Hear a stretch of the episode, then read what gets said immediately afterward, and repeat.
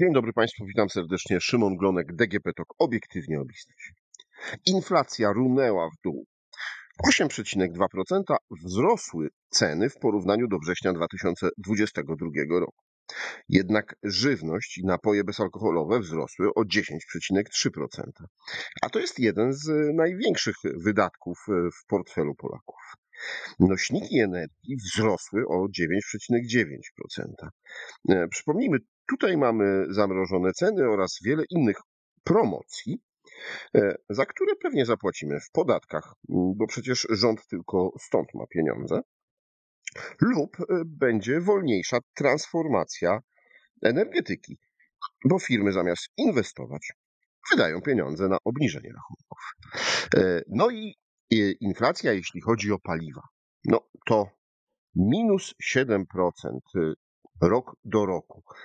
Tutaj rzeczywiście mamy cud przy dystrybutorze. E, ceny spadły. Kłopot tylko jeden. E, dystrybutor z powodu cudu uległ awarii. Czytaj, nie ma paliwa i nie można zatankować. Tym co z inflacją w następnych miesiącach i jak będzie wyglądało PKB Polski na koniec 2023 roku, porozmawiam z Kamilem Sobolewskim, głównym ekonomistą pracodawcy RP. Dzień dobry. Dzień dobry panie redaktorze, dzień dobry państwu. E, no to jak z tą inflacją? Runęła i ona już e, rzeczywiście można o niej zapomnieć? inflacja, którą podaje GUS i którą powtarzają e, media, to jest inflacja rozumiana jako średni wzrost cen koszyka dóbr i usług względem sytuacji równo rok temu. Czyli jeżeli mówimy o inflacji za wrzesień, to pytanie jest, ile wzrosły ceny we, od września 2022 do września 2023. I w tym czasie faktycznie Wzrost cen wyniósł 8,2% średnio dla koszyka dóbr i usług. Jest oczywiste, że jak pies z właścicielem idą na spacer, to średnio mają trzy nogi, więc to może nie oddawać faktycznego wzrostu y, cen y, konkretnej grupy produktów, tylko to po prostu oddaje średni poziom cen w gospodarce. Y, I to, co warto powiedzieć, to, że ten wskaźnik nie obejmuje ani tego, co się stało we, do września 2022 roku, czyli cały wzrost cen, który notowaliśmy wtedy, a który już wtedy był dwucyfrowy, no jest y, z nami i w stosunku do tamtych wysokich cen jesteśmy o ponad 8% wyżej. No ten wskaźnik nie uwzględnia też tego, jak ta dynamika cen kształtuje się w ostatnich miesiącach, a ona kształtuje się w taki sposób, że od kwietnia ceny średnio nie rosną. To znaczy, wzrost cen był dość gwałtowny do marca bieżącego roku, między wrześniem 2022 a marcem 2023, i od tamtej pory wyhamował średnio przez te ostatnie 6 y, miesięcy y, wynosi 0,1%, a zatem jest bardzo umiarkowany. I mm, taka e, sytuacja napawałaby optymizmem w normalnych warunkach, dlatego że oznaczałaby, że te mm, zjawiska e, no, ciągłego wzrostu cen w jakimś stopniu e, wyhamowały, więc moglibyśmy powiedzieć, że ta inflacja faktycznie wyraźnie spada. Natomiast, no niestety, ja byłbym ostrożny z ogłoszeniem takiego triumfu z, z trzech powodów. Po pierwsze, z takiego powodu, że część cen zarządzana jest w mm, określonym stopniu ręcznie. Mówimy tutaj o choćby o wacie na żywność, który wynosi 0%, e, a zgodnie z przyszłoroczną ustawą budżetową ma zostać ponownie podniesiony, więc to będzie automatycznie oznaczało e, wzrost cen. Takich kategorii cenowych, które wzrosną, a są powiedzmy sobie. Powiedzmy jeszcze, VAT na żywność to jest ile w tym momencie? Słucham? E, powiedzmy, VAT na żywność to jest ile? To bardzo zależy, bo to zależy od tego, jaką żywność, ale tam jest kilka stawek. Niektóre elementy mają 5, niektóre 8, niektóre nawet 23%, więc e, to zróżnicowana, stawka w zależności od tego, na jaką grupę żywnościową trafiamy. Ja myślę, że główna ta różnica będzie między 0 a 8%, bo to tutaj zaingerowało głównie państwo. Natomiast mówimy także o cenach paliw, mówimy o cenach biletów komunikacji miejskiej, które na przykład dla tramwajów warszawskich nie pokrywają 20% kosztów. Mówimy o cenach y, kolejo, biletów kolejowych, mówimy o dostawie wody, o odbiorze ścieków. To są wszystko kategorie, które są w pewien sposób y, zamrożone, być może z powodów y, przedwyborczych. Nie tylko tutaj chodzi o wybory parlamentarne, też o wybory samorządowe w przyszłym roku. I musimy pamiętać, że te wszystkie elementy to są w pewnym sensie odroczone efekty inflacji, które jeszcze nie przełożyły się na ceny, a najprawdopodobniej się przełożą. To jest pierwszy powód. Drugi powód, żeby nie świętować przedwcześnie, to jest e, decyzja o podwyżce płac minimalnych w przyszłym roku, mimo hamującej inflacji. Płaca, płaca minimalna w przyszłym roku ma wzrosnąć 19,4%. Zapowiedziana jest też waloryzacja niektórych świadczeń społecznych w tym w szczególności 800, zapowiedziane jest na stałe 13 i 14 emerytura.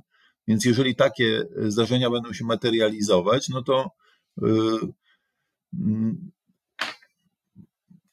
będzie większy strumień pieniądza bez zapewnienia większego strumienia towarów i usług, które za ten pieniądz można kupić. I yy, jeżeli PKB w tym roku wzrośnie o 0,5%, a y, realne świadczenia wzrosną o, o, o grube kilka procent, no to to będzie oznaczało, że pojawi się presja inflacyjna i ta presja inflacyjna będzie się dokładać do tej y, inflacji, która cały czas, przypomnijmy, jest trzykrotnie powyżej celu 2,5%. No i jest jeszcze trzeci powód, y, dla którego nie powinniśmy przedwcześnie świętować inflacji, mianowicie doświadczenie. Według badań czy Międzynarodowego Funduszu Walutowego które były opublikowane dosłownie w ostatnim miesiącu, czy też według badań e, Narodowego Centrum Badań i Rozwoju, badań e, ekonomicznych w Stanach Zjednoczonych. To jest taki ośrodek analityczny, który ma chyba najlepszą renomę analityczną na świecie pod względem badań e, ekonomicznych. No, okazuje się, że inflacja, która nawet powstaje na skutek szoków podażowych, nawet gdyby przyjąć, że ona powstała na skutek szoków podażowych, ona niestety jest zwykle uporczywa, spotyka się ze zbyt mało stanowczą e, reakcją banków centralnych i rządów, które nie zacieśniają w odpowiedzi polityki i trwa potem e, relatywnie długo. To jest wniosek oparty o badanie ponad 100 takich epizodów w ostatnich 30 e, latach. Przypomnijmy latach, kiedy inflacja na świecie generalnie miała charakter raczej gasnący niż wybuchający. Więc w relatywnie dobrych czasach do tłamienia inflacji, no i badacze, którzy ten problem e, badają, stwierdzają, że wysoki wzrost e, płac nominalnych, że szybkie łagodzenie polityk, e, polityki pieniężnej, że sytuacja wzrostu deficytu, która jest prowokowana potrzebami społecznymi, politycznymi, ale jednocześnie świadczy o tym, że nakręca się ta spirala inflacyjna na skutek polityki gospodarczej rządu, który w polskim przypadku, przypomnijmy, deficyt samego rządu w przyszłym roku zwiększa do 4,5% PKB. To, to wszystko są powody, dla których ta wysoka inflacja ma potencjał się utrwalić w taki sposób, że y, y, zostaniemy ukarani za próbę ratowania wzrostu tu i teraz y, pięcio czy dziesięcioletnim okresem zdecydowanie poniżej przeciętnego wzrostu, właśnie dlatego, że nie poradzimy sobie z istotną nierównowagą, jaką jest inflacja. A zatem na świętowanie jeszcze, w moim przekonaniu, absolutnie przedwcześnie. Świętować będziemy mogli, kiedy inflacja trwale przez rok, dwa lata znajdzie się w e, celu inflacyjnym między 1,5 a 3,5%. Według własnych projekcji Narodowego Banku Polskiego, ostatnich dostępnych, Narodowy Bank Polski nie pokazał na innych to się raczej nie stanie do końca 2025 roku. A zatem e, długa droga przed nami i na pewno też wydarzenia, które choćby miały miejsce w ostatni weekend, a które niestety e, no, mogą mieć miejsce. Tu nie chodzi o jakieś zdarzenia militarne, tylko chodzi o szoki podażowe. Mamy po prostu gospodarkę dość mocno wrażliwą na szoki. Po pierwsze, dlatego, że zapomnieliśmy trochę o inwestycjach w tej sferze realnej i e, wypadanie poszczególnych mocy produkcyjnych stosunkowo łatwo prowadzi do e, deficytów produktu. Z drugiej strony, mamy rekordowo małe zapasy. Na przykład w Stanach Zjednoczonych strategiczne zapasy ropy są w tej chwili tylko na 17 dni, co jest historycznym rekordem od początku lat 80.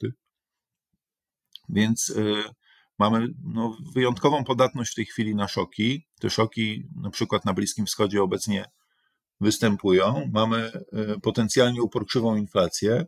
Banki centralne na całym świecie, Fed, Europejski Bank Centralny, podwyższające stopy procentowe bardzo wyraźnie, właśnie w związku z samym ryzykiem, że ta spirala inflacyjna się rozkręci, mimo że u nich inflacja spadła już w, w dużo bardziej w kierunku celu.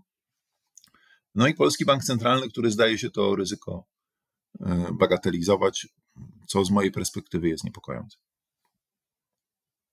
No dobrze, to powiedzmy właśnie, e, skąd e, bierze się taki pomysł? No bo jeśli w Stanach Zjednoczonych, które mają dużo mniejszą inflację, w strefie euro, która ma dużo mniejszą inflację, banki nadal twardo stoją, banki centralne nadal twardo stoją na stanowisku podnosimy stopy procentowe. Na pewno w najbliższym czasie nie będziemy luzować polityki. A polski bank centralny no, ma całkowicie inny pomysł na to. Wręcz e, prezes Glapiński mówi, że ekonomiści się mylą i wprowadzają w błąd i e, no i wszystko jest super, bo, bo u nas spada i będzie tylko lepiej, tak jak prezes to przewiduje. Ja bym tą sytuację porównał do próby przejścia z zawiązanymi oczami y, przez y, trzypasmową szosę szybkiego ruchu y, w godzinach niewielkiego natężenia ruchu. No, można sobie zawiązać oczy i spróbować przekroczyć te trzy pasy, nie do końca widząc i słysząc, czy to jest bezpieczne. I mało tego, istnieje jakieś tam pewnie 20 czy 50% prawdopodobieństwo, że ten eksperyment się uda. Tylko czy zawodnika, który wykonał taki eksperyment, określamy e, osobą właściwie kalkulującą ryzyko? I trochę tak samo dla mnie jest z polityką banku centralnego dzisiaj. Myślę, że nikt, ani sam delikwent, ani e, obserwatorzy nie chcą zobaczyć wypadku dziejącego się na naszych oczach, ale sam fakt, że podejmujemy ryzyko tego wypadku, nie rozglądając się należycie, świadczy o niskiej odpowiedzialności i podejmowaniu nadmiernego ryzyka. W teorii zarządzania ryzykiem jest taka zasada, że podjąć nam wolno ryzyko, na które nas stać, a na każde takie, na które nas nie stać, powinniśmy się ubezpieczyć. Jeśli jeździmy samochodem y, za 10 tysięcy złotych, zarabiając 5 tysięcy złotych pensji, to y, możemy takiego samochodu nie ubezpieczać autokasko, ale jeżeli w tym samym czasie mieszkamy w mieszkaniu kupionym na kredyt za pół miliona, to głupotą byłoby tego mieszkania nie ubezpieczyć, bo ewentualne szkody w tym mieszkaniu, po prostu nie będziemy w stanie ich z własnej kieszeni zrekompensować. Tak? I tych, takiego samego ubezpieczenia ja bym oczekiwał od banku centralnego. Bank centralny po pierwsze nie pokazuje tego, że w ogóle rozgląda się. To, takie tezy, że y, ceny paliw nie miały żadnego wpływu na inflację, ten spadek cen paliw na stacjach benzynowych, no one są nieuprawnione. Bank centralny nie przedstawił wyliczeń Y, dotyczących y, wpływu takich jednorazowych zabiegów na inflację. Nie pokazał, jak na przykład ewentualne podwyższenie VAT-u na żywność, które przecież jest w ustawie budżetowej, jak ewentualna normalizacja marsz paliwowych, jak wzrost cen biletów komunikacji do poziomów pokrywających koszty, jakie to miałoby przełożenie na inflację. To ćwiczenie nie zostało wykonane, a przynajmniej nie widzimy tego symptomów. Nie są publicznie dostępne badania oczekiwań inflacyjnych, które Narodowy Bank Polski zwykł publikować jeszcze do 2016 roku. W Banku Centralnym do dziś pracują wybitni fachowcy od tej kwestii, którzy publikowali mm, na ten temat metodologię. Jeżeli prywatne banki usiłują te oczekiwania inflacyjne badać, to wychodzi, na przykład mBank zbadał takie oczekiwania, wyszło ponad 10% oczekiwań więc y, to by był bardzo alarm, alarmowy sygnał. Niestety nie mamy takich badań z banku centralnego, a decyzje banku centralnego powinny opierać się między innymi o takie badania. Więc mamy rosnącą presję w sferze retorycznej, ale nie mamy twardych badań, na podstawie których bank centralny by wykazał, że jego polityka jest słuszna. Jednocześnie taka centralna, centralny element komunikacyjny wokół polityki pieniężnej, czyli ta osławiona projekcja, mm, która, przypomnijmy, zakłada stabilne stopy procentowe. Ostatni raz była zrobiona przy stopach procentowych 6,75%.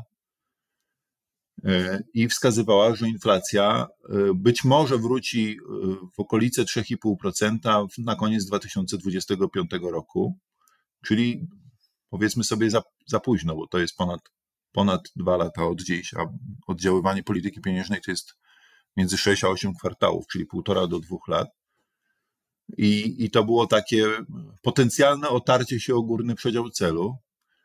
No i teraz po takiej projekcji bank centralny tnie stopy o w tej chwili już cały punkt procentowy, e, doprowadzając do osłabienia złotego. No zarówno to obniżenie stóp procentowych, jak i cięcie stóp powoduje, że ta projekcja powinna pokazać wyższą inflację w przyszłości, a zatem mamy instytucję powołaną konstytucyjnie do tego, aby stać na straży e, wartości pieniądza, umiarkowanego wzrostu cen która najwyraźniej e, w tym e, bardzo trudnym obecnie okresie woli kierować się e, preferencją, preferencją nie, nie prowokowania spadku PKB czy recesji, nawet gdyby taki spadek PKB miał mieć charakter krótkotrwały, wspiera w tym czasie politykę gospodarczą rządu, co zgodnie z ustawą o Narodowym Banku Polskim jest celem drugorzędnym. Pierwszorzędnym celem jest walka z inflacją, a tylko jeśli ten pierwszy cel jest spełniony, to znaczy inflacja znajduje się w celu, to bank centralny może wtedy w ramach możliwości wspierać tą politykę gospodarczą rządu. Wydaje się, że ta bariera tutaj e, została przekroczona. Ile już o PKB powiedzieliśmy, no bo rzeczywiście y, są prognozy na ten rok E, Bank Światowy mówi 0,7%, PKO BP 0,5% wzrostu. E, niektóre dane pokazywały, że 0,3%. No, tak czy inaczej, nie jest to jakiś e, ogromny wzrost, no ale patrząc na to, że gospodarka niemiecka, gospodarka całej Unii, ale też i Chińczycy mają raczej dość duże spowolnienie, E, no to można powiedzieć, cieszmy się, że w ogóle jest wzrost. Co do tego wzrostu, ja miałem na początku roku, publikujemy taki miesięcznik, tam w tym miesięczniku prognozowałem e, półprocentową inflację. To się wydaje bardzo blisko konsensusu, obecnego konsensusu ekonomistów. Przepraszam, półprocentowy wzrost gospodarczy w tym roku. Natomiast e, nie będę ukrywał, że jestem trochę zaskoczony przebiegiem tych procesów gospodarczych tegorocznych. Mianowicie wydawało mi się, że to e, spowolnienie gospodarcze, w, szczególnie w drugim kwartale, będzie wyraźnie głębsze niż ono miało miejsce. I spodziewałem się nieco szybszego odbicia później. No, okazało się, że otoczenie jest takie nie do końca sprzyjające. Znaczy, to otoczenie globalne zmieniło się z silnie sprzyjającego na umiarkowanie sprzyjające i pełne ryzyk.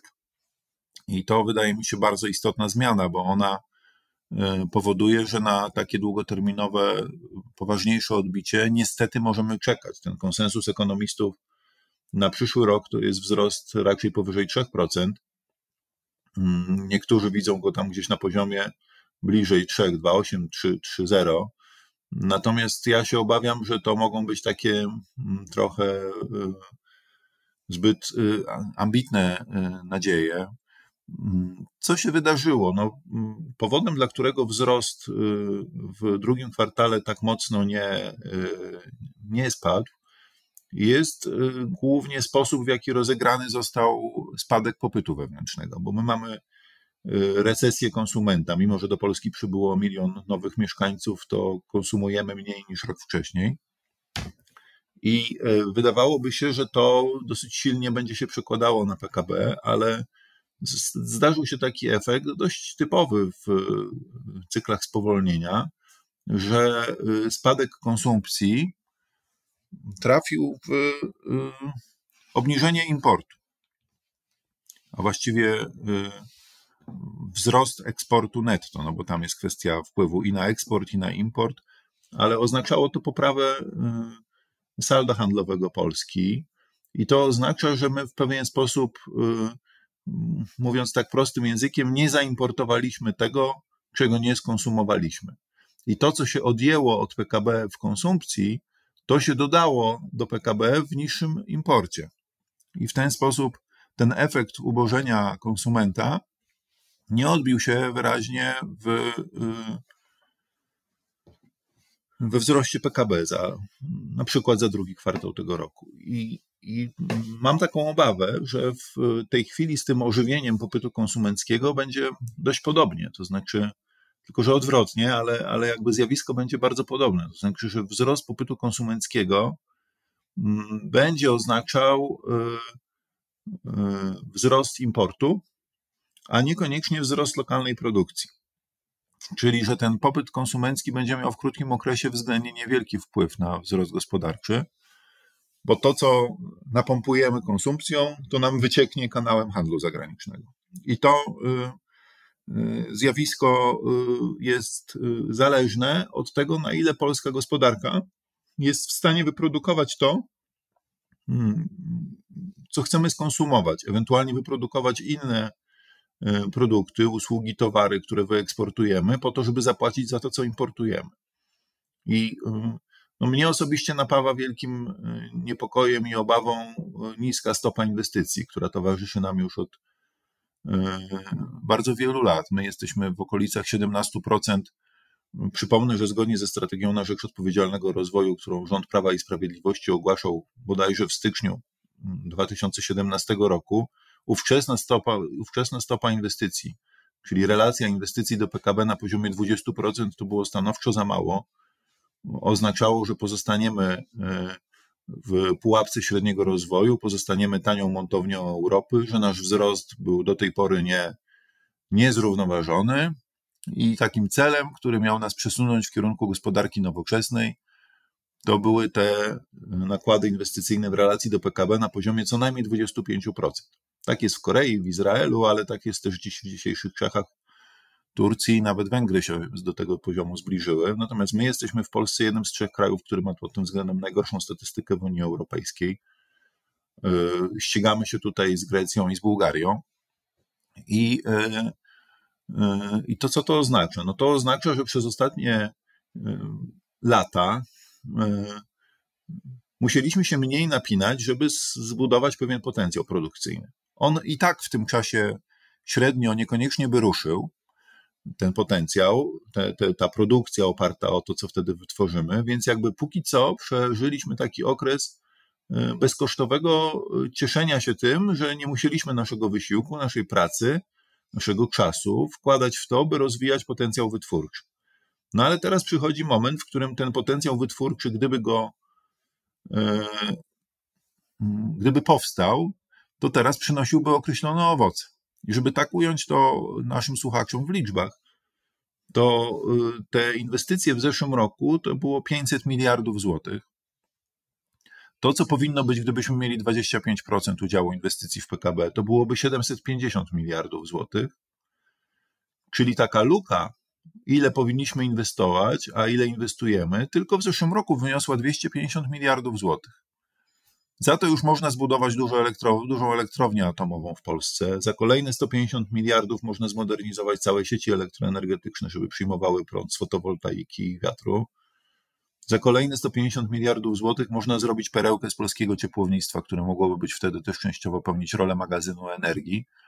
A zatem ja próbuję pokazać, że za y, trzyletnie zaległości inwestycyjne w zasadzie moglibyśmy mieć w całości nowoczesną energetykę, która by powodowała, że prąd w Polsce nie byłby jednym z najdroższych, tylko może na jednym z najtańszych w Unii Europejskiej.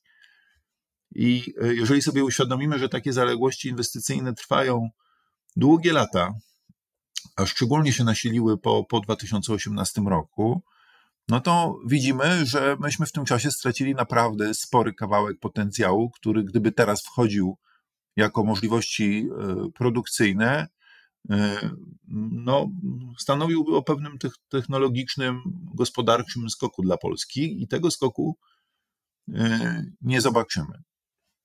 Moment, ale politycy w tej kampanii wyborczej, która się teraz toczy, bardzo głośno mówią, że wcale nie jest tak źle z inwestycjami, że jest bardzo duży wzrost inwestycji w ciągu ostatnich ośmiu lat no to kto ma Tutaj rację, mogą, mogą pokutować dwa, dwa zjawiska. Jedno zjawisko to jest takie koncentrowanie się przez polityków na inwestycjach robionych przez y, sektor publiczny i przez spółki Skarbu Państwa. Jeśli chodzi o inwestycje sektora publicznego, y, no my wiemy, że w wielu miejscach są najpierw place y, miejskie betonowane, a potem uzieleniane. I y, nawet jeżeli te inwestycje są robione bardziej racjonalnie, to trudno mówić, aby z tego powodu jakoś drastycznie rósł potencjał gospodarczy. Może inwestycje robione we współpracy z Unią Europejską, drogowe, kolejowe, infrastrukturalne, one mogą mieć większe przełożenie, no ale to też zależy, tak, bo pieniądze, które włożyliśmy w tej chwili w Centralny Port Komunikacyjny czy w przekop Mierzei, do tej pory y, no prawdopodobnie nie podniosły istotnie potencjału wytwórczego Polski, a też są w tej statystyce policzone jako inwestycje.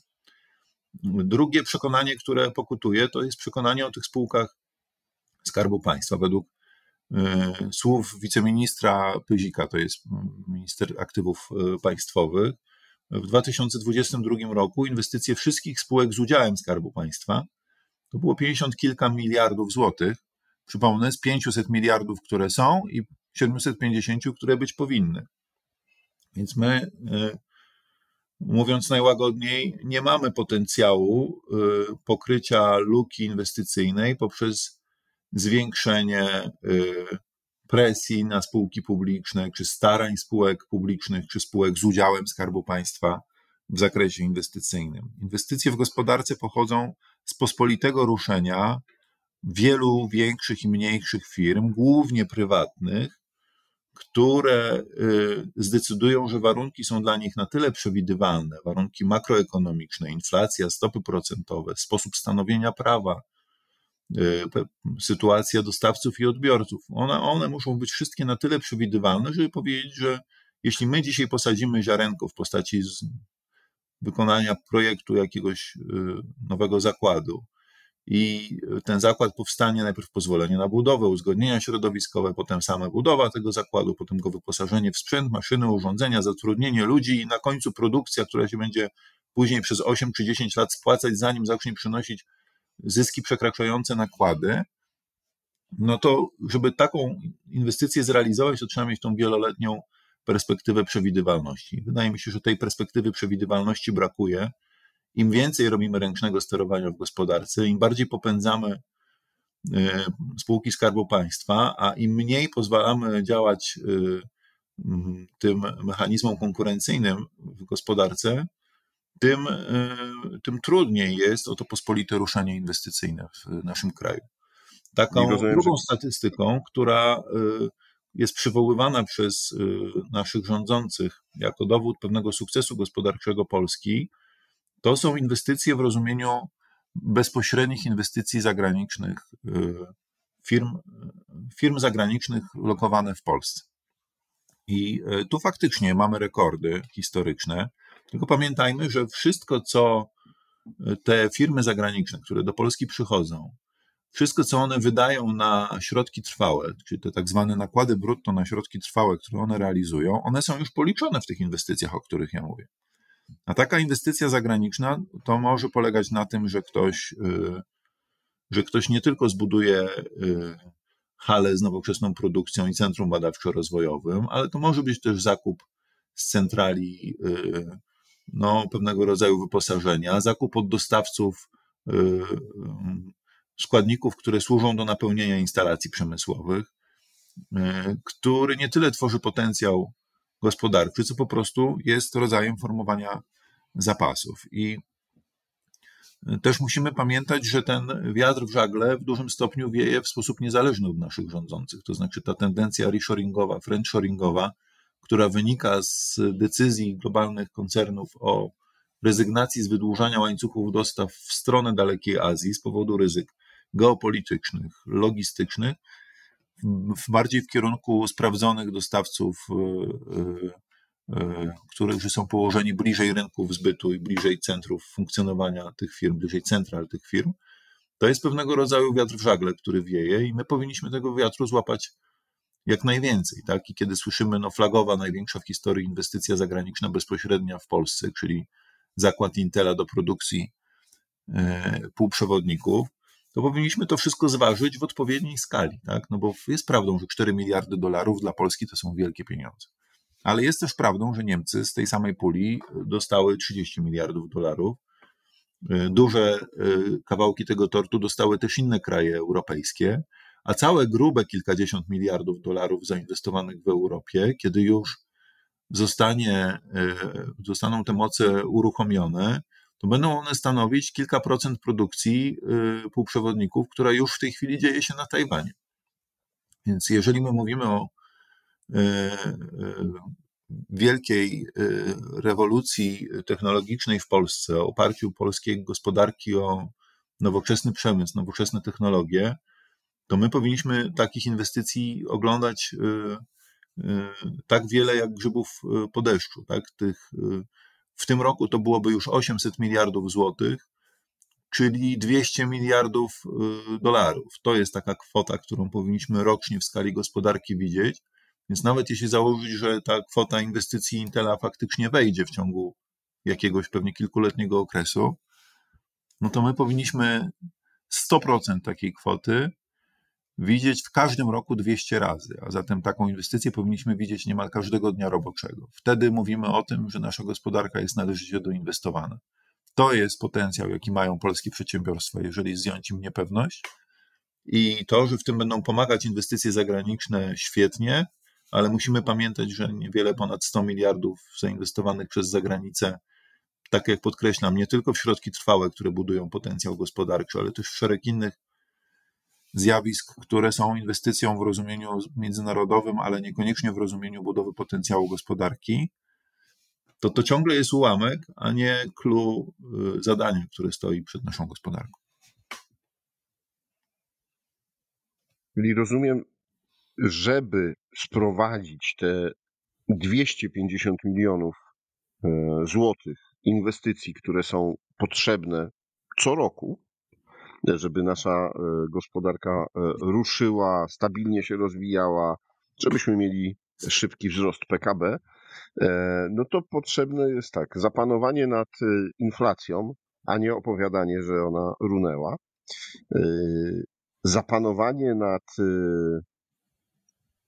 prawem, czyli to, na co zwracają uwagę wszyscy przedsiębiorcy, stabilność prawa, przewidywalność prawa, Jakie jeszcze czynniki mogą pomóc? Tak, ten, ta statystyka o 250 miliardach złotych to była statystyka deficytu inwestycji za 2022 rok.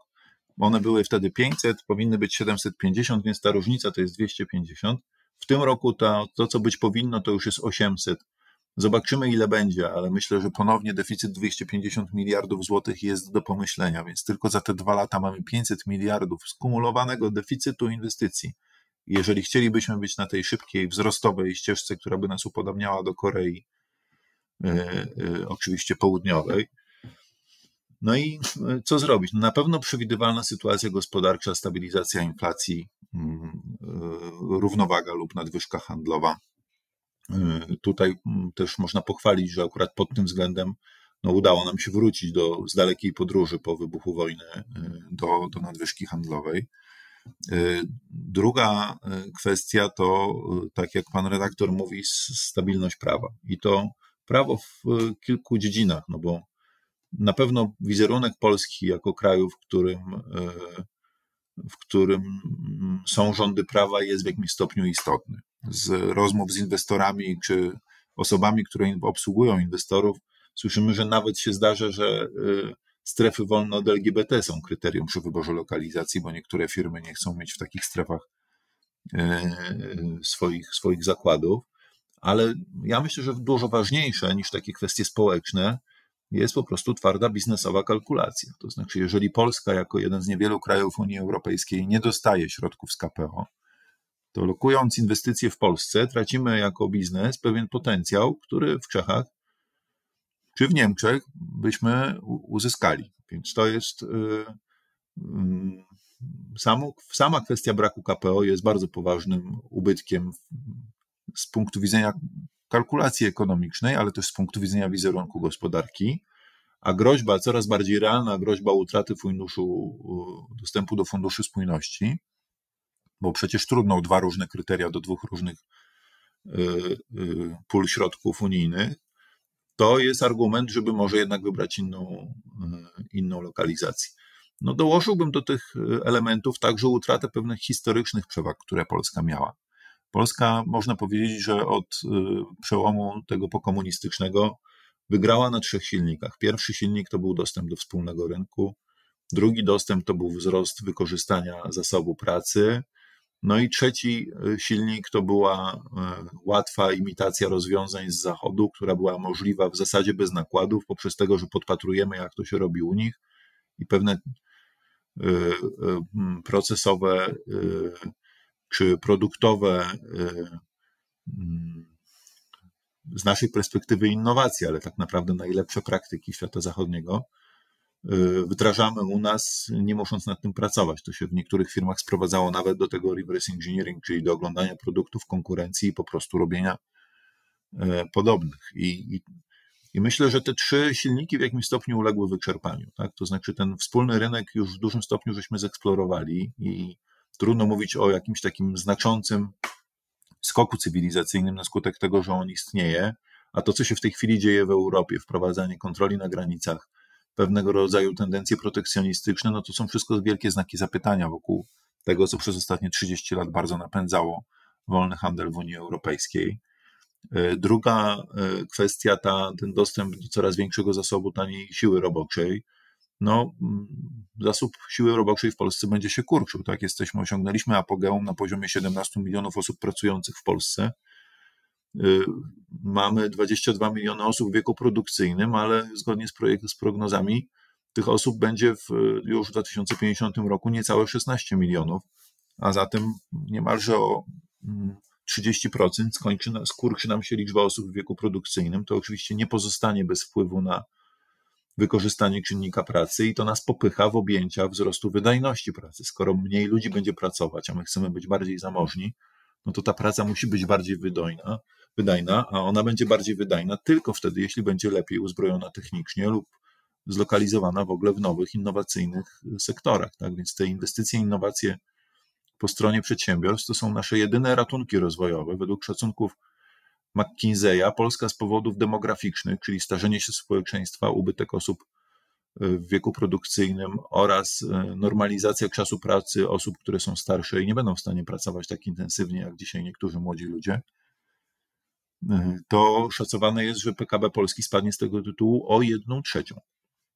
I w związku z tym my musimy tymi pozostałymi silnikami, wśród których no, surowce naturalne raczej nie, nas tutaj nie zdominują, potęgą naftową nie zostaniemy, może się uda, ale wątpię, więc jeżeli nie na tym, to musimy się oprzeć na inwestycjach i innowacjach, a tego brakuje. Tak? Więc tutaj myślę, że y, to, co straciliśmy i co y, będzie trudno odzyskać, trzeba to zastąpić czymś nowym. Tak? To, jest, to jest kurczący się zasób pracy, ciągle jeszcze rosnący zasób y, osób z wyższym wykształceniem, ale lawinowo kurczący się osób, zasób osób bez wyższego wykształcenia. To Tą przewagę straciliśmy. Bezrobocie jest 2,6%. Jak ktoś chce do Polski przyjechać, czy przyprowadzić firmę po to, aby tutaj była tania siła robocza, to tego już tutaj nie znajdzie.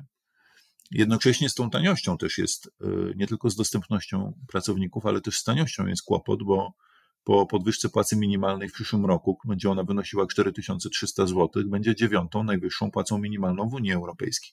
Prześcigniemy pod tym względem Portugalię, a zatem przewaga kosztowa Polski względem już takich krajów jak Portugalia, nie mówiąc o wszystkich krajach naszego regionu, zniknęła. Tak? Jesteśmy drożsi niż Czechy, niż Węgry, niż e, Słowacja, ale Rumunia, ale jesteśmy również w tym momencie drożsi, jeśli chodzi o tą pracę niekwalifikowaną niż Portugalia, a mamy tą pracę mniej dostępną, więc na tym się te inwestycje też jakoś y, mocno nie rozwijają, a mogłyby, gdyby właśnie zaproponować tą przewidywalność. No i ostatnia sprawa z tym, z tą sprawiedliwością, bo ona została wywołana, to jest sam wymiar sprawiedliwości, bo nie każdy przedsiębiorca interesuje się tym, jak na ile w Polsce szanowana jest konstytucja, czy, czy istnieją spory z Unią Europejską. Natomiast każdy przedsiębiorca interesuje się tym, czy jak ma prostą sprawę opartą o weksel, to jest w stanie dojść do swojej należności w miesiąc, dwa miesiące, czy ponad pół roku. A pod względem jakości orzecznictwa i czasu trwania procesów sądowych aż do uzyskania prawomocnego wyroku, Polska odstaje na tle europejskim y, drastycznie od średnich i powoduje, że rozstrzyganie sporów przed sądami, nawet prostych sporów gospodarczych, stało się jedną z ważniejszych słabości konkurencyjnych naszego e, kraju. Nie wiem, czy mamy szans, czas rozwijać się na inne wątki, bo tutaj tą konkurencyjność można byłoby rozbierać na czynniki pierwsze z wielu punktów widzenia. To już musimy sobie zostawić e, na następną no rozmowę i na następny podcast. E, proszę Państwa, jak słyszycie, no wiele wyzwań przed nami i takie proste postrzeganie gospodarki, że y, mamy chwilowe zmniejszenie wzrostu inflacji, y, czy wypadamy? Może nie najgorzej, jeśli chodzi o PKB w ciągu jednego czy drugiego roku, e, nie jest najlepszym postrzeganiem, bo jeśli popatrzy się na to długofalowo, jeśli popatrzy się e, z punktu widzenia inwestycji i rozwoju kraju, no to te wyzwania naprawdę pozostają duże i warto, żeby zastanowili się i rządzący, ale też i mm, osoby odpowiedzialne za politykę e, monetarną, e, jak dbać o rozwój o stabilny rozwój kraju, może powiem tak. Dziękuję panu bardzo za rozmowę. Bardzo dziękuję. Moim Państwa gościem w podcaście DGP Talk obiektywnie o biznesie był Kamil Sobolewski, główny ekonomista pracodawcy RP, a rozmawiał Szymon Glonek. Do usłyszenia.